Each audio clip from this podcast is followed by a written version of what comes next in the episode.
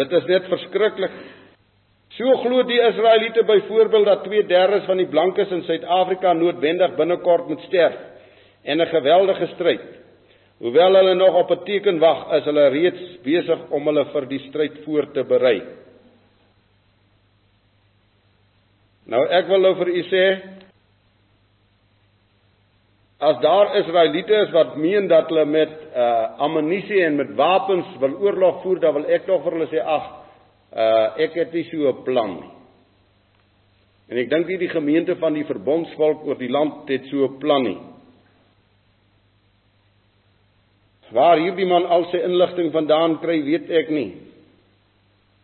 Ek wil net nou sommer vir die interessantheid nog hier iets lees. Selfs gevestigde regse groepe soos die Afrikaner Weerstandsbeweging is heimlik bekommerd oor die invloed wat die sekte op van hulle lede het. Uh Dank Jawe dat hy ons harte ken. Dank hom dat hy ons harte ken. Geliefdes, hierdie hierdie soort dinge moet gebeur. Want hierdie evangelie moet bekend word oor die ganse wêreld voordat Yeshua sal kom, so staan daar in Matteus 24. Die evangelie van die koninkryk sal verkondig word oor die ganse aarde voordat hy kom. En as u en ek nie die middele het nie, dan kom hierdie weerstandsmense teen ons, maak nie saak wie hulle is vanaand nie, en hulle erken en hulle bevestig deur hulle skrywes dat daar in Israel volk is in die wêreld dat daar mense is wat sê hulle is van hierdie verbondsvolk. Dat daar mense is wat sê Yeshua het vir hierdie volk sy lewe kom gee op aarde vir sy beminde, vir sy uitverkorene, vir sy syne wat hy met sy bloed kom koop het. En nou gaan ek omdat ons bietjie stil gesit het hierdie week daarby en daarmee wil ek sluit. En dit is Johannes hoofstuk 3. En laat die wat wil hoor, hoor. Wat is die waarheid van die woord? Johannes sê in die eerste hoofstuk en ek doen dit nou maar u ken nou al die teksvers baie goed. Wie kan hom aanneem staan in die 12de vers? Almal kan hom aanneem. Wat? Wat wat? Wat nie uit die bloed of uit die wil van die vlees of uit die wil van 'n man nie, maar uit God gebore is. Nou kom hy en Nikodemus, 'n leraar van Israel kom in die nag na Yeshua en hy gesels met Yeshua. En luister wat sê hy vir Yeshua in die tweede vers van Johannes 3.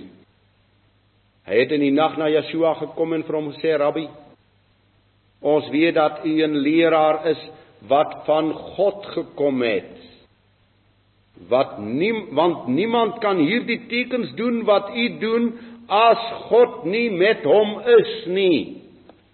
So hierdie man Nikodemus sien iets wat ander nie gesien het in die tyd nie. Yeshua antwoord en sê vir hom voorwaar voorwaar ek sê vir jou as iemand nie van bo gebore is nie kan hy die koninkryk van God nie sien nie. Yeshua bevestig aan hom wat hy sê. Want hy sê u is van God. U kom van bo. Da sê Yeshua voorwaar ek sê vir jou as jy nie van bo is nie kan jy nie sien nie. Kan jy die koninkryk nie sien nie. Nikodemus sê vir hom: "Hoe kan 'n mens as hy oud is weer as hy oud is gebore word? Nie weergebore, skuis tog. As hy oud is gebore word, hy kan tog nie 'n tweede keer in die skoot van sy moeder ingaan en gebore word nie." Ja, so 'n antwoord voorwaar, voorwaar ek sê vir jou, as iemand nie gebore is uit water en gees nie of gebore word uit water en gees, kan hy in die koninkryk van die Almagtige nie ingaan nie. Nou is dit baie pragtig wat daar staan. Ek lees net die 6ste vers by sodat ons baie goeie konteks het. Want uit die wat uit die vlees gebore is, is vlees en wat uit die gees gebore is, is gees. Ek het vir u gesê Hy het in die eerste hoofstuk al geskrywe Johannes dat as jy uit God gebore is of jy kan gebore wees uit die vlees en die wil van 'n man. Nou sê Yeshua vir hom. Nou is interessant die woordjie water beteken in die Griekse taal as jy diep grawe dit beteken eintlik geboortewater. Geboortewater. Dit wil sê dit is die fisiese geboorte. En dan staan daar uit gees, uit water en uit gees. Jy kan dus hier het ons te doen met twee afsonderlike dinge, maar ons het ook te doen met 'n saak wat 'n eenheid kan wees. Uit water en uit gees. Yeshua sê dis vir hom, jy moet gebore wees fisies. En jy moet uit die gees van God gebore wees. Ismael was fisies gebore. Maar Ismael was nie uit die gees gebore nie. Kom ons lees dit in Galasiërs 4. Maar ons broeders vers 28 skies tog. Galasiërs 4 vers 28. Maar ons broeders is soos Isak, kinders van die belofte. Maar soos destyds hy wat na die vlees gebore is, dis Ismael. Hom wat na die gees was of wat uit die gees gebore is, vervolg het. So is dit nou ook. Daarom het die skrif gesê: Werp die slavin en haar seun uit, want nooit mag die seun van die slavin saam met die seun van die vrye erwe nie. Daarom broeders, ons is nie kinders van die slavin nie, maar kinders van die vrye. Hy sê dis baie duidelik ons is uit die gees gebore. Ons is nie net fisies gebore nie. Ons is ook uit die gees gebore. En dis 'n aangrypende wonder, geliefdes. Dis 'n aangrypende genade.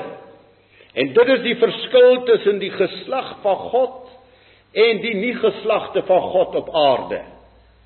Hier is baie wat fisies gebore is op aarde. Net die uitverkorenes is ook van bo gebore. Is uit die wil en uit die bloed en uit die vlees van God Jahwe. En daarom is hulle uitverkore. Daarom is hulle heilig. Daarom is hulle anders. Daarom is hulle ewig. En daarom kom sê Petrus so mooi in 1 Petrus 1 vers 23 want julle is gewederbaar of gewedergebore. En hierdie woord kan jy ook vertaal met julle is herstel. Julle is weer generasie van God, want die Griekse woord is van generasie af. Die Engelse Bybel vertaal dit met regenerated. Die geslag is weer God se. Want julle is wedergebore nie uit die verganklike saad nie, maar uit die onverganklike saad.